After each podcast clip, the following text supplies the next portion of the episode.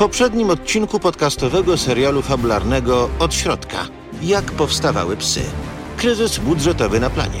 Ja ci mówię, że kasy na kręcenie nie ma, a ty mi o fajkach tu wyjeżdżasz? Weź się obudź, chłopie. Lampy nie dojadą. Wisimy im za poprzednią fakturę. Nowej dostawy nie będzie. Agnieszka Jaskółka przyjmuje rolę Angeli. A, ale proszę pana, ja nie mam żadnego doświadczenia. To i lepiej. Będziesz improwizować. Gwiazdy już mam. Potrzebuję buzi, za którą wszyscy się będą oglądać. Rozumiesz? Jak bohater pierwszej polskiej telenoweli w Labiryncie znalazł się na planie psów. Brakuje mi kogoś, kto zagrałby Ola. A Marek Konrad. Absolutnie fantastyczny. Grałem z nim u Bajona. A jakie ma blizny. Ostatnio rozwalił się samochodem. Spodoba ci się. Dobra, daj mi do niego numer. Portal popkulturowy na ekranie.pl poleca. Nowy podcastowy serial dokumentalno-fabularny. Od środka. Jak powstawały psy. Najsłynniejszy polski film sensacyjny. Odkryj ciekawostki i tajemnice z planu filmowego opowiedziane jak nigdy dotąd. A kto słucha, ten przeżyje. Na własne uszy i na ekranie.pl. Serial podcastowy od środka, wyprodukowany przez wytwórnię podcastów Voice Up Agency, posłuchasz za darmo w aplikacjach Spotify, Apple Podcasts, Google Podcasts oraz na YouTube i innych platformach podcastowych. Serial podcastowy od środka Jak powstawały psy polecają też grupy facebookowe Filmy Pasikowskiego oraz Psy kultowy polski film akcji. Uwaga! Przedstawiona historia oparta jest na prawdziwych wydarzeniach. W podcaście, którego słuchasz, padają słowa powszechnie uznawane za wulgarne. Zostałeś ostrzeżony. Wytwórnia podcastów fabularnych Voice Up Agency przedstawia Od środka.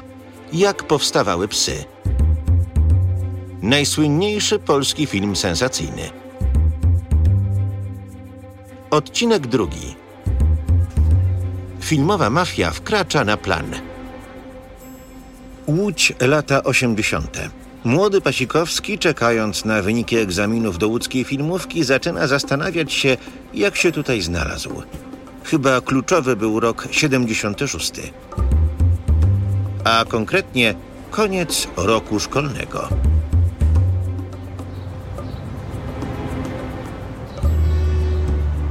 Powietrze pachnie wakacjami i świeżo skoszoną trawą. Gdyby ktoś teraz spojrzał w okno klasy na parterze liceum, zobaczyłby młodego chłopaka, który z nudów przygryza gumkę ołówka. Prawdziwy scenariusz rozgrywa się jednak w jego głowie. Gdyby ktoś miał do niej dostęp, zobaczyłby go z mikrofonem na scenie. Tłum szaleje. Dziewczyny piszczą i rzucają stanikami. Nagle dziewczyna z pierwszego rzędu o wydatnych ustach i falującym biuście wdrapuje się na scenę i rzuca mu się na szyję, oplatając go mocno udami i dając mu namiętnego, mokrego całusa. Zaskakująco mokrego. Władek. Władek. Władek. Władek. Władek, rozumiesz, co do ciebie mówię? Eee, e, że, e, że co, proszę? Cała klasa wybucha śmiechem, widząc jak woda z gąbki rzuconej przez wyprowadzoną z równowagi nauczycielkę matematyki ścieka mu po twarzy. Trzeba przyznać, że miała niezłe oko. Trafiła prosto w twarz młodego Władka Pasikowskiego. Do tablicy i to już! Matematyka to jego konik, więc rozwiązuje zadanie błyskawicznie, jeszcze bardziej rozsierdzając nauczycielkę. Marnujesz swój talent, chłopcze. Gdybyś się choć trochę przyłożył, to kiedyś mógłbyś wychowywać nowe pokolenia młodych matematyków. Władek aż zbyt dobrze wyobraził sobie rysowaną przed nim przyszłość. Z umorusanym kredą garniturem i dzieciakami rzucającymi w niego papierowymi samolocikami.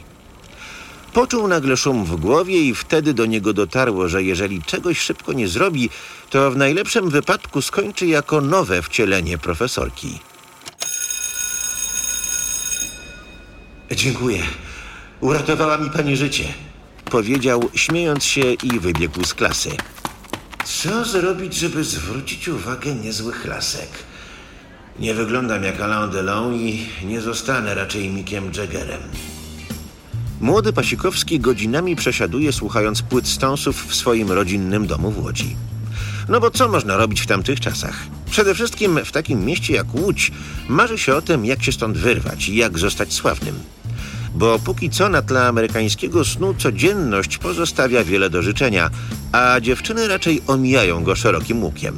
Poza talentem do matematyki i zamiłowaniem do muzyki, Pasikowski uwielbia filmy. To wszystko dzięki ojcu, który będąc bileterem w kinie stara się przemycać młodego Władka na przeróżne seanse, aby zaszczepić w nim swoją pasję. Waldi, zabieram cię dzisiaj do kina. Gramy film z Johnem Wayne'em, Rabusie pociągów. Nastaw się na niezłą strzelaninę. Tato, serio? Znowu western? Ty się ciesz, że cię jeszcze ze sobą gdziekolwiek zabieram i mi tu nie wybrzydzaj. Pasikowskiego bardziej fascynuje jednak prawo ulicy. Filmy akcji, a w nich wystrzały z pistoletów i pościgi samochodowe.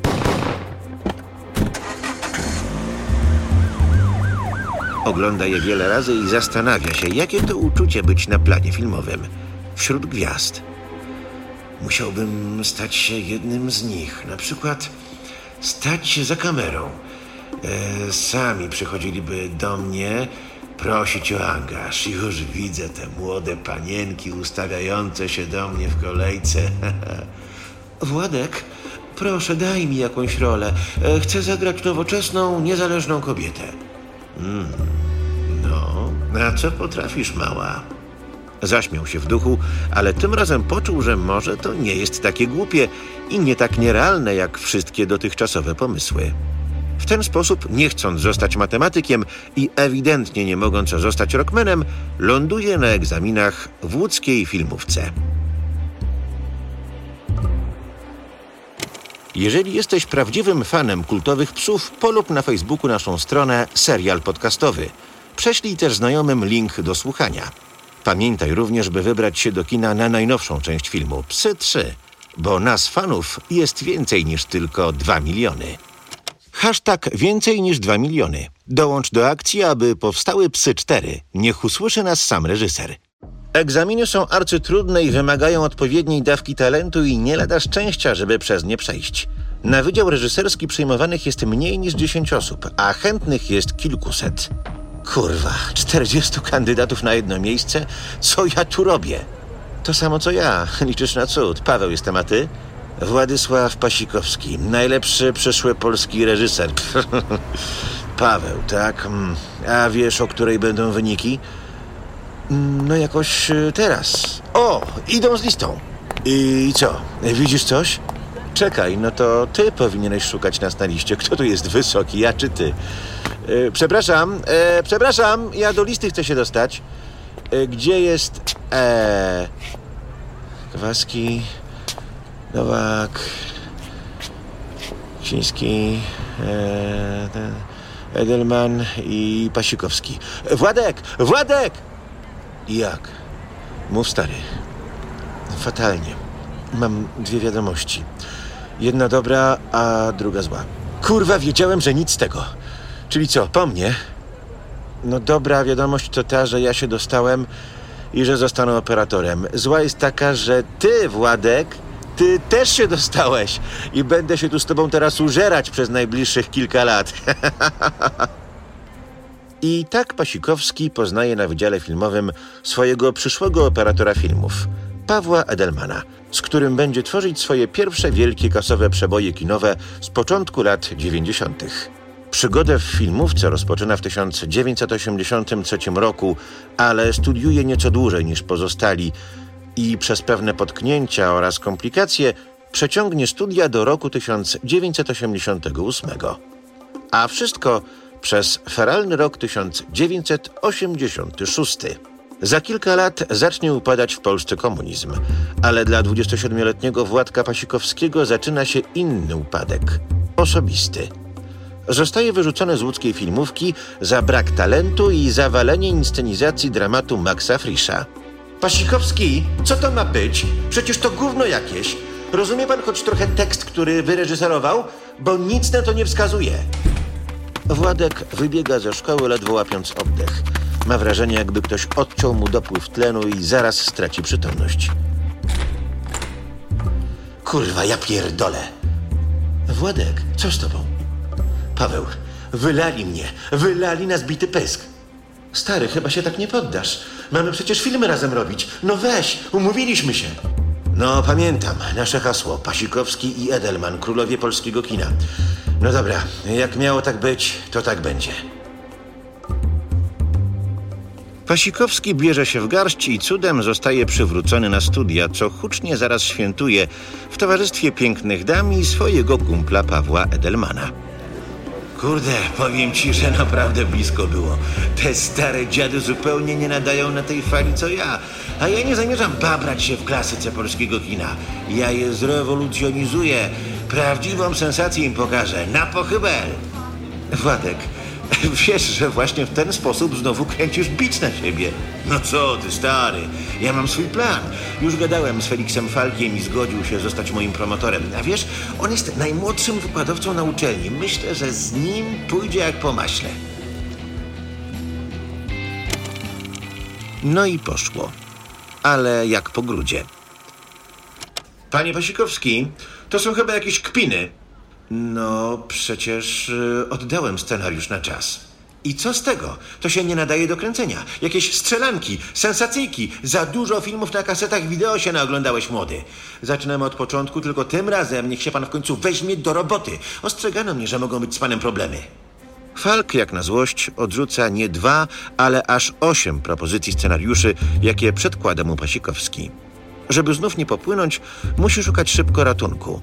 Wymienia więc swojego promotora na nowego, wybierając Filipa Bajona. Tym razem siadło, bo polubili się od samego początku. Nowy promotor daje mu dużą swobodę w działaniu i wolność kreacji. I nie wymaga od niego wspinania się na artystyczne wyżyny, co ma swoją dobrą i złą stronę. Pasikowski, nie musząc już zakuwać od rana do nocy, odkrywa, że jedna mała flaszeczka wódki jeszcze nigdy nikomu nie zaszkodziła. O, Filip, dobrze cię widzieć, chodź. Napijesz się z nami kieliszeczek. E, trunek pierwsza klasa, babcia kolegi naleweczkę zrobiła. Na zdrowie! Władek, chętnie, ale tylko jednego nalej, takiego małego. Ja mam robotę jeszcze do zrobienia wieczorem i tylko na chwilę wpadłem. Słuchaj, Władek, ja muszę ci ważną rzecz przypomnieć. Imprezki, wódeczka i dziewczynki to ważne, ja wiem, ale ja muszę twój scenariusz w końcu przeczytać. Ty mi go weź wreszcie przynieś, bo w końcu zawalisz rok, a tego już ci teraz nie podarują. Pasikowski od razu trzeźwieje. Bierze sobie to ostrzeżenie do serca aż tak bardzo, że w trybie pilnym z rozpędu pisze nie jeden, a dwa scenariusze. Krola oraz Żołdaków Psy. Pierwszy trafia w ręce Filipa Bajona i wzbudza zainteresowanie w zespole filmowym Dom, którego jest kierownikiem. Jak to jednak w świecie filmowym bywa, scenariusz trafia z rąk do rąk, wciąż wymagając poprawek. Bajon jakoś nie śpieszy się z jego debiutem reżyserskim, co Pasikowski uznaje w końcu za celową grę na zwłokę. Oj, tak bawić się nie będziemy. Nie chcecie mojego scenariusza? To znajdę takich, co zechcą. I to z pocałowaniem ręki. Dłużej nie czekając, udaje się do zespołu filmowego Zebra, gdzie akurat szukają świeżej krwi. Jeśli Władysław Pasikowski szukał swojej szansy na debiut reżyserski, to znalazł się w idealnym miejscu i czasie. Trafił w sedno, a scenariusz do filmu Żołdaków Psy zdobył zainteresowanie. Wyczuwając swoją szansę, wysyła go także bezpośrednio do samego Juliusza Machulskiego. A ten tak wczuwa się w historię, że pochłania ją w ciągu jednego wieczora. Wezwijcie mi tu tego młodziaka, niejakiego Pasikowskiego. Ma natychmiast przyjść do mnie do biura.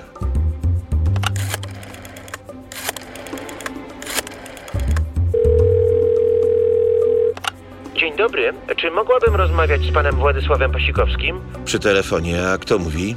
E, Z Zebry dzwonię. Pan Juliusz Machulski chciałby się z panem zobaczyć i to koniecznie jeszcze dziś. Machulski? Serio? Dobra, w porządku, już się zbieram. E, będę jak najszybciej.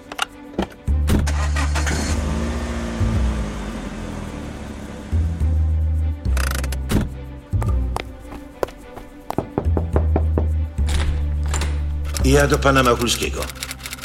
Proszę, e, czeka na pana w swoim gabinecie. E, dzień dobry. Wzywał mnie pan e, podobno. Czyli to pan jest ten Pasikowski, autor tego oto scenariusza. Muszę przyznać, że to naprawdę niezłe. Zaczytałem się. Wartka akcja, trzyma w napięciu, to byłby taki polski Mad Max. E, Jest tylko jedno ale. Ale? Drogie to będzie jak cholera w realizacji. E, tak się składa, że muszę jeszcze jakiś debiut w Zebrze wypuścić w tym roku. Masz może coś tańszego w zanadrzu? Mam. A możesz to zrobić? Mogę. No to robisz. I w ten oto sposób Juliusz Machulski w trakcie krótkiej rozmowy podjął w minutę decyzję o produkcji filmu Kroll i zapisał go jako debiut reżyserski Zebry na 1989 rok.